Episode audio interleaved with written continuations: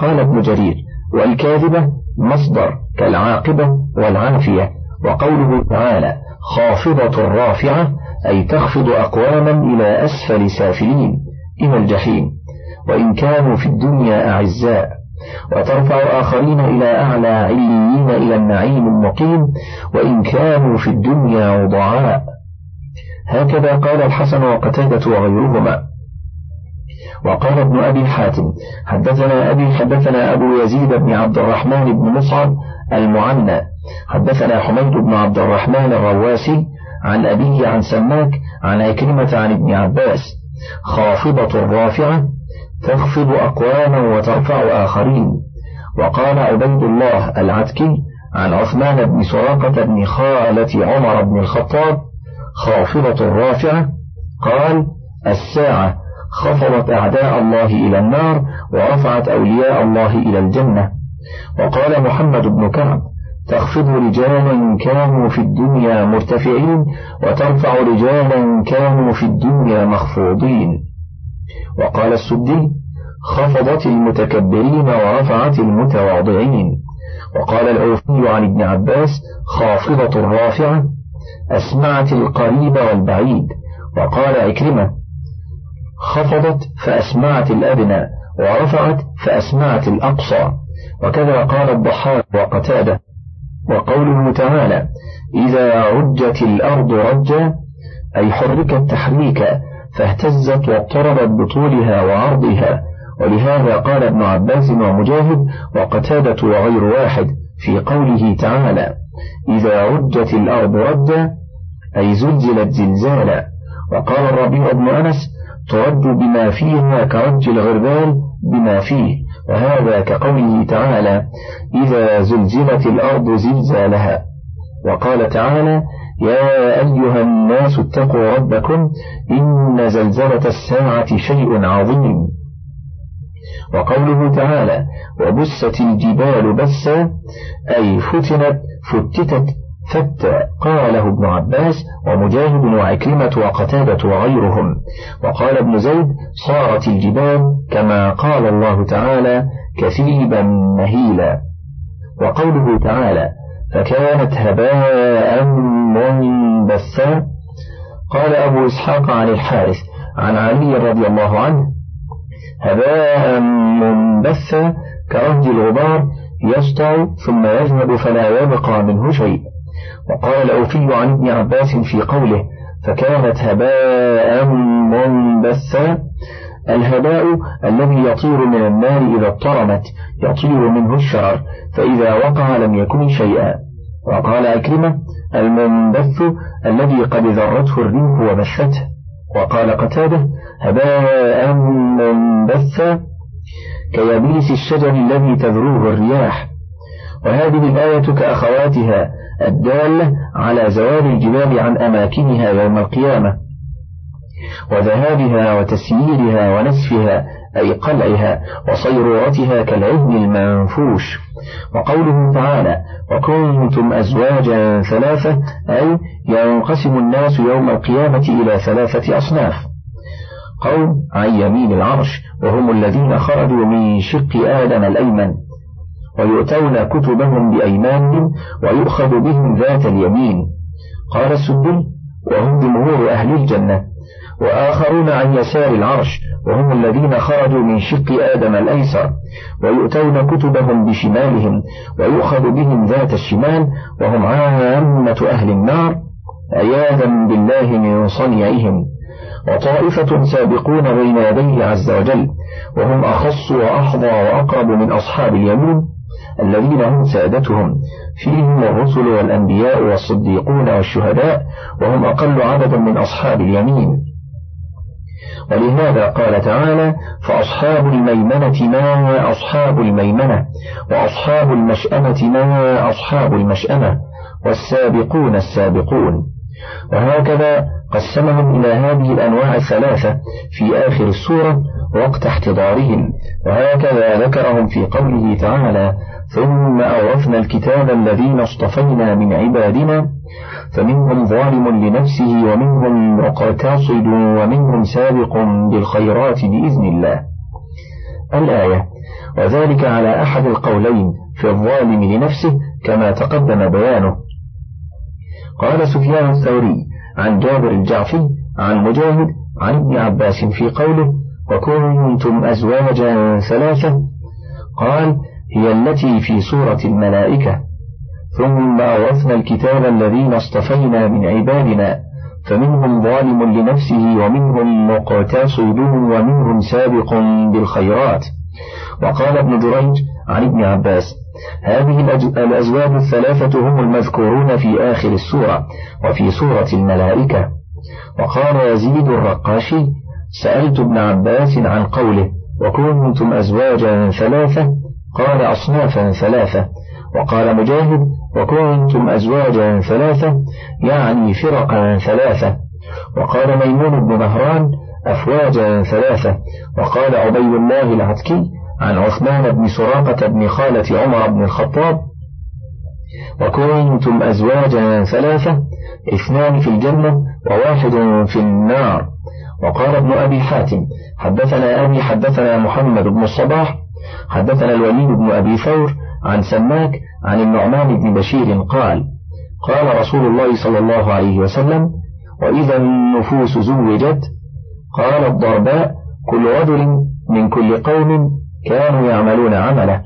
وذلك بأن الله تعالى يقول وكنتم أزواجا ثلاثة.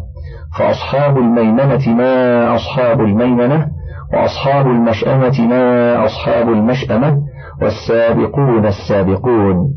قال هم الضرباء. وقال الإمام أحمد حدثنا محمد بن عبد الله بن المثنى حدثنا البراء الغنوي حدثنا الحسن عن معاذ بن جبل أن رسول الله صلى الله عليه وسلم تلا هذه الآية وأصحاب اليمين ما أصحاب اليمين. إلى وأصحاب الشمال ما أصحاب الشمال فقبض بيده قبضتين فقال هذه للجنة ولا أبالي وهذه للنار ولا أبالي. وقال الإمام أحمد أيضا حدثنا حسن حدثنا ابن لهيعة حدثنا خالد بن أبي عمران عن القاسم بن محمد عن عائشة عن رسول الله صلى الله عليه وسلم أنه قال أتدرون من السابقون إلى ظلم الله يوم القيامة؟ قالوا الله ورسوله أعلم. قال الذين إذا أعطوا الحق قبلوه وإذا سئلوه بذلوه وحكموا للناس كحكمهم لأنفسهم.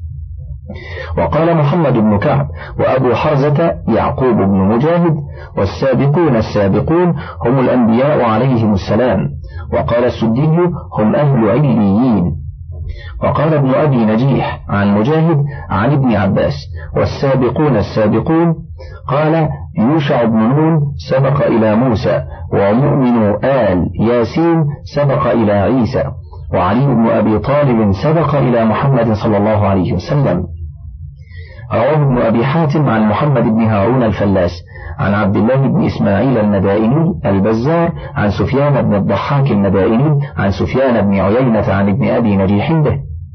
وقال ابن أبي حاتم وذكر عن محمد بن أبي حاتم حدثنا مهران عن خارجة عن قرة عن ابن سيرين والسابقون السابقون الذين صلوا إلى القبلتين رواه ابن جرير من حديث خارجة به. وقال الحسن وقتادة والسابقون السابقون أي من كل أمة.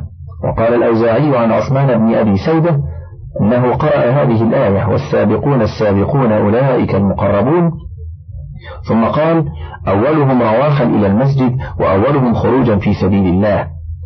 وهذه الأقوال كلها صحيحة فإن المراد بالسابقين هم المبادرون إلى فعل الخيرات كما أمروا. كما قال تعالى وسارعوا إلى مغفرة من ربكم وجنة عرضها السماوات والأرض. وقال تعالى سابقوا إلى مغفرة من ربكم وجنة عرضها كعرض السماء والأرض. فمن سابق في هذه الدنيا وسبق إلى الخير كان في الآخرة من السابقين إلى الكرامة فإن الجزاء من جنس العمل وكما تدين تدان ولهذا قال تعالى أولئك المقربون في جنات النعيم. وقال ابن أبي حاتم حدثنا أبي حدثنا يحيى بن زكريا الفزاري الرازي حدثنا خارجة بن مصعب عن زيد بن أسلم عن عطاء بن يسار عن عبد الله بن عمرو قال قالت الملائكة يا رب جعلت لبني آدم الدنيا فهم يأكلون ويشربون ويتزوجون فاجعل لنا الآخرة. فقال لا أفعل. فراجعوا ثلاثة فقال لا أجعل من خلقت بيدي كمن قلت له كن فكان. ثم قرأ عبد الله والسابقون السابقون أولئك المقربون في جنات النعيم. وقد روى هذا الأثر الإمام عثمان بن سعيد الدارمي في كتابه الرد على الجهمية. ولفظه فقال الله عز وجل لن أجعل صالح ذرية من خلقت بيدي كمن قلت له كن فكان. ثلة من الأولين وقليل من الآخرين على سرر موضونة متكئين عليها متقابلين يطوف عليهم ولدان مخلدون بأكواب وأباريق وكأس معين لا يصدعون عنها ولا ينزفون. وفاكهة مما يتخيرون ولحم طير مما يشتهون وحور عين كأمثال اللؤلؤ المكنون جزاء بما كانوا يعملون. لا يسمعون فيها لغوا ولا تأثيما. إلا قيلا سلاما سلاما. يقول تعالى مخبرا عن هؤلاء السابقين المقربين أنهم ثلة أي جماعة من الأولين وقليل من الآخرين. وقد اختلفوا في المراد بقوله الأولين والآخرين فقيل المراد بالأولين الأمم الماضية. وبالآخرين هذه الأمة. هذا رواية عن مجاهد والحسن البصري رواها عنهما ابن أبي حاتم وهو اختيار ابن جرير. واستأنس بقوله صلى الله عليه وسلم نحن الآخرون السابقون يوم القيامة ولم يحكي غيره ولا عزاه إلى, حد إلى أحد ومما يستأنس به لهذا القول ما رواه الإمام أبو محمد ابن أبي حاتم حدثنا أبي حدثنا محمد بن عيسى بن الطباع حدثنا شريك بن محمد بن عبد الرحمن عن أبيه عن أبي هريرة قال لما نزلت ثلة من الأولين وقليل من الآخرين شق ذلك على أصحاب النبي صلى الله عليه وسلم فنزلت ثلة من الأولين وثلة من الآخرين. فقال النبي صلى الله عليه وسلم إني لأرجو أن تكونوا ربع أهل الجنة. ثلث أهل الجنة بل أنتم نصف أهل الجنة أو شطر أهل الجنة وتقاسمونهم النصف الثاني. ورواه الإمام أحمد عن أسود بن عامر عن شريك عن محمد بياع الملاء عن أبيه عن أبي هريرة فذكره. وقد روي من حديث جابر نحو هذا. ورواه الحافظ ابن عساكر من طريق هشام بن عمارة حدثنا عبد ربه ابن صالح عن عروة بن رويم عن جابر بن عبد الله عن النبي صلى الله عليه وسلم. لما نزلت إذا وقعت الواقعة ذكر فيها ثلة من الأولين وقليل من الآخرين. قال عمر يا رسول الله ثلة من الأولين وقليل منا. قال فأمسك آخر السورة. سنة ثم نزل ثلة من الأولين وثلة من الآخرين. فقال رسول الله صلى الله عليه وسلم يا عمر تعال فاسمع ما قد أنزل الله ثلة من الأولين وثلة من الآخرين.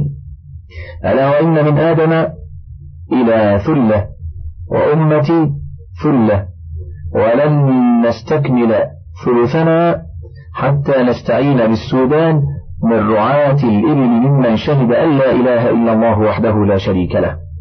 هكذا أورده في ترجمة أروة بن رويم إسنادا ومتنا ولكن في إسناده نظر. وقد وردت طرق كثيرة متعددة بقوله صلى الله عليه وسلم إني لأرجو أن تكونوا ربع أهل الجنة. الحديث بتمامه وهو مفرد في صفة الجنة ولله الحمد والمنة. وهذا الذي اختاره ابن جرير ها هنا فيه نظر بل هو قول ضعيف لأن هذه الأمة هي خير الأمم بنص القرآن فيبعد أن يكون المقربون في غيرها أكثر منها. اللهم إلا أن يقابل مجموع الأمم بهذه الأمة. والظاهر أن المقربين من هؤلاء أكثر من سائر الأمم والله أعلم. فالقول الثاني في هذا المقام هو الراجح وهو أن يكون المراد بقوله تعالى ثلة من الأولين أي من صدر هذه الأمة وقليل من الآخرين أي من هذه الأمة.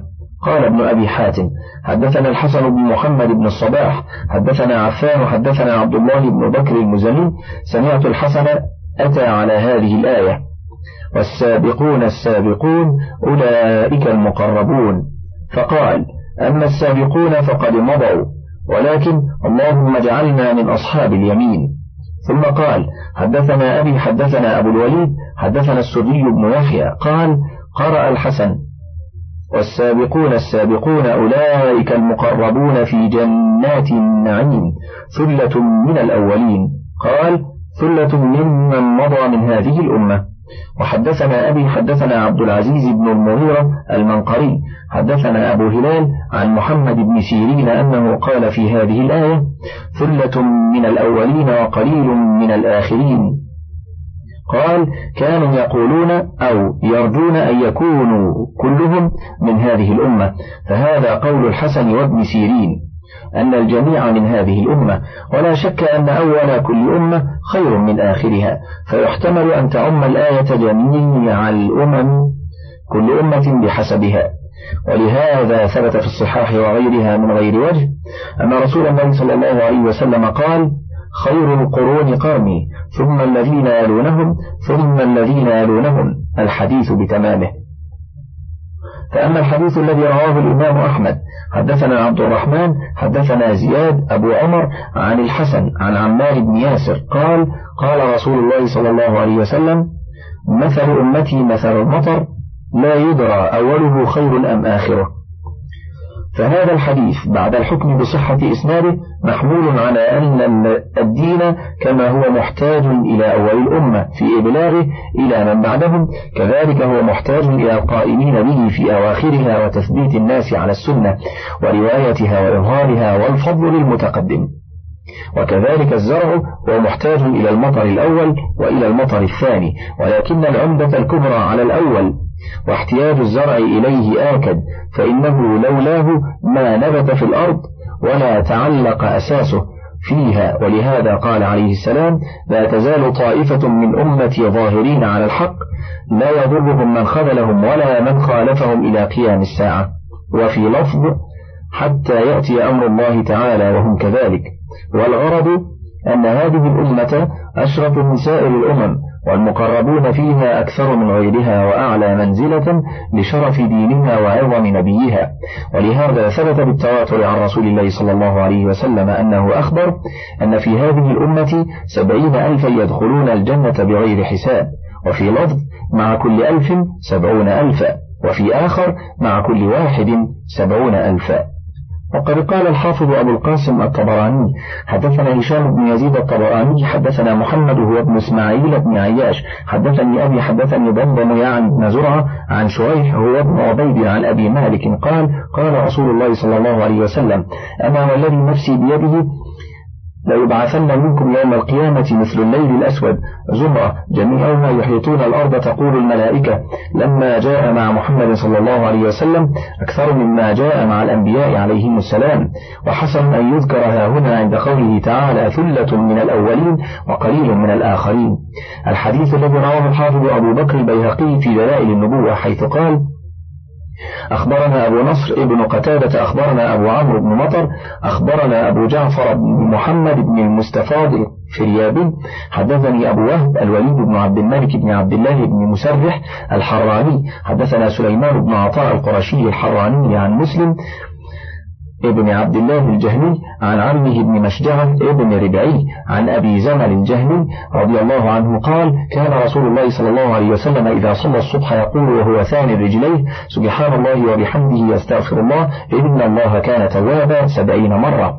ثم يقول سبعين بسبعمائة لا خير لمن كانت ذنوبه في يوم واحد أكثر من سبعمائة.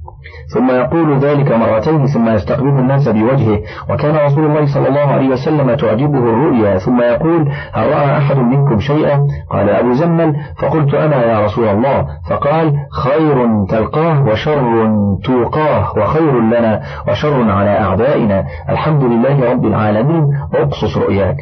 فقلت رأيت جميع الناس على طريق الرحب سهل. لا حب.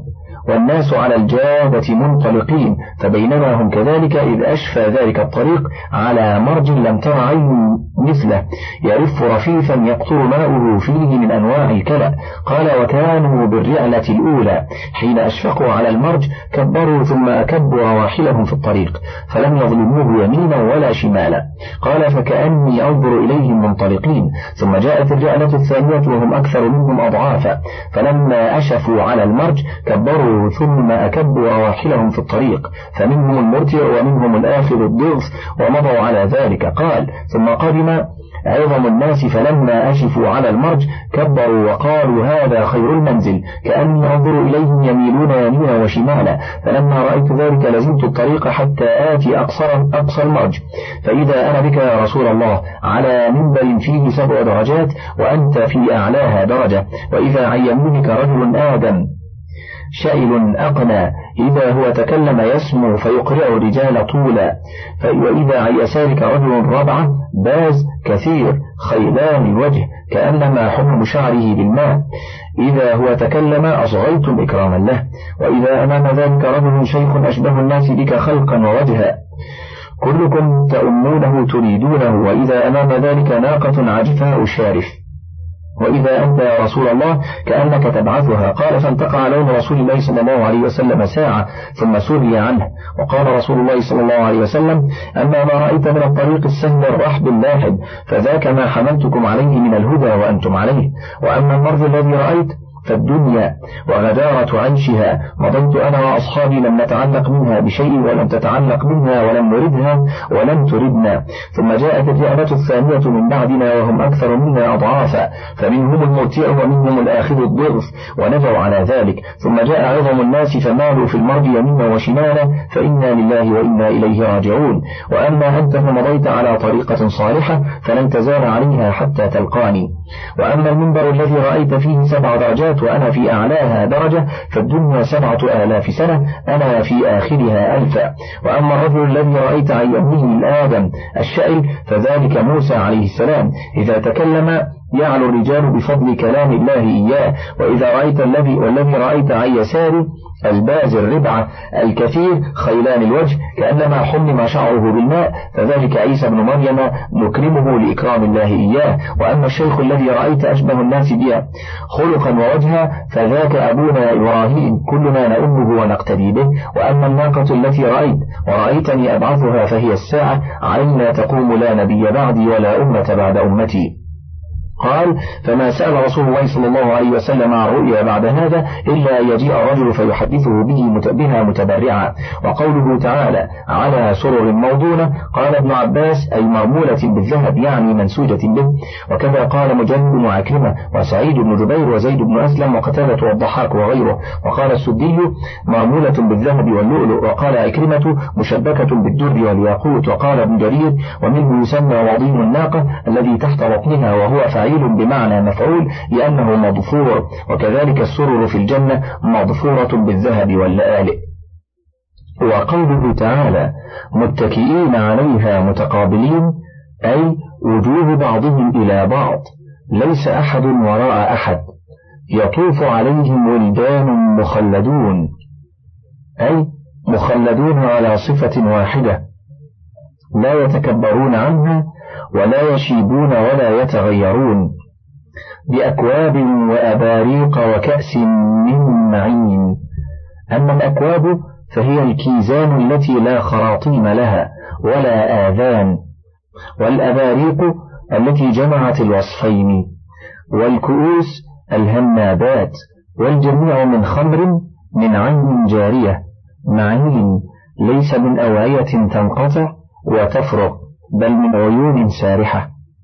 وقوله تعالى لا يصدعون عنها ولا ينزفون أي لا تصدع رؤوسهم ولا تنزف عقولهم بل هي ثابتة مع الشدة المطربة واللذة الحاصلة.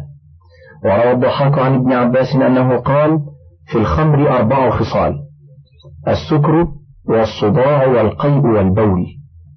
فذكر الله تعالى خمر الجنة ونزهها عن هذه الخصال. وقال مجمد وأكرمة وسعيد بن جبير وعطية وقتادة والسدي لا يصدعون عنها. يقول ليس لهم فيها صداع رأس. وقالوا في قوله ولا ينزفون أي لا تذهب بعقولهم. وقوله تعالى وفاكهة مما يتخيرون. ولحم طير مما يشتهون أي ويطوفون عليهم بما يتخيرون من الثمار. وهذه الآية دليل على جواز أكل الفاكهة على صفة التخير لها. ويدل على ذلك حديث إكراش بن ذؤيب الذي رواه الحافظ أبو يعلى الموصلي ورحمه الله في مسنده. حدثنا العباس بن الوليد الترسي حدثنا العلاء بن الفضل بن عبد الملك بن أبي سومة حدثنا عبيد الله ابن إكراش عن أبيه إكراش بن ذؤيب قال بعثني مرة في صدقات أموالهم إلى رسول الله صلى الله عليه وسلم فقدمت المدينة فإذا هو جالس بين المهاجرين والأنصار وقدمت عليه بإبل كأنها عروق الأرطي قال من الرجل؟ قلت عكراش بن ذؤيب. قال ارفع في النسب فانتسبت له إلى مرة ابن عبيد. وهذه صدقة مرة ابن عبيد. فتبسم رسول الله صلى الله عليه وسلم وقال هذه إبل قومي هذه صدقات قومي. ثم أمر بها أن توسم بميسم إبل الصدقة وتضم إليها. ثم أخذ بيدي فانطلقنا إلى منزل أم سلمة فقال هل من طعام؟ فأتينا بجفنة كالقصعة كثيرة الثريد والوذر فجعل يأكل منها فأقبلت أخبط بيدي في جوانبها فقبض رسول الله صلى الله عليه وسلم بيده اليسرى على يد اليمنى فقال يا عكاش كل من موضع واحد فإنه طعام واحد. ثم أتينا بطبق فيه تمر أو رطب. شك عبيد الله رطبا كان أو تمرا. فجعلت آكل من بين يدي. وجالت يد رسول الله صلى الله عليه وسلم في الطبق. وقال يا إكراش كل من حيث شئت فإنه غير لون واحد. ثم أتينا بماء. فغسل رسول الله صلى الله عليه وسلم يده ومسح ببلل كفيه وجهه وذراعيه. ورأسه ثلاثة. ثم قال يا إكراش هذا الوضوء مما غيرت النار. وهكذا رواه الترمذي مطولا وابن ماجة جميعا عن محمد بن بشار عن أبي الهذيل العلاء بن الفضل به. وقال الترمذي غريب لا نعرفه إلا من حديثه. وقال الإمام أحمد حدثنا بهد بن أسد وعفان. وقال الحافظ أبو يعلى حدثنا شيبان قالوا حدثنا سليمان بن المغيرة حدثنا ثابت. قال قال أنس كان رسول الله صلى الله عليه وسلم تعجبه الرؤيا. فربما رأى رجل الرؤيا فسأل عنه إذا لم يكن يعرفه. فإذا أثنى عليه معروف كان أعجب لرؤياه إليه. فأتته امرأة فقالت يا رسول الله.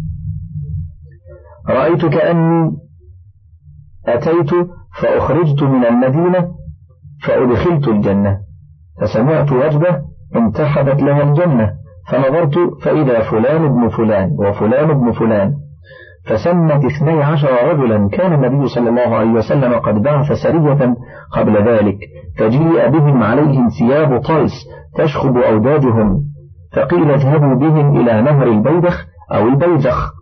قال فغمسوا فيه فخرجوا ووجوههم كالقمر ليلة البدر. فأتوا بصحفة من ذهب فيها بسر فأكلوا من بسره ما شاءوا فما يقلبونها من وجه إلا أكلوا من الفاكهة ما أرادوا وأكلت معهم. فجاء البشير من تلك السرية فقال ما كان من رؤيا كذا وكذا. فأصيب فلان وفلان حتى عد اثني عشر رجلا. فدعا رسول الله صلى الله عليه وسلم المرأة فقال قصي رؤياك. فقصتها وجعلت تقول فجيء بفلان وفلان كما قال. هذا لفظ أبي يعلى قال الحافظ الضياء وهذا على شرط مسلم. انتهى تفسير سورة الرحمن. قرأها عليكم. أحمد عزت. انتهت هذه المادة ولكم تحيات إخوانكم في شبكة الألوف. والسلام عليكم ورحمة الله وبركاته.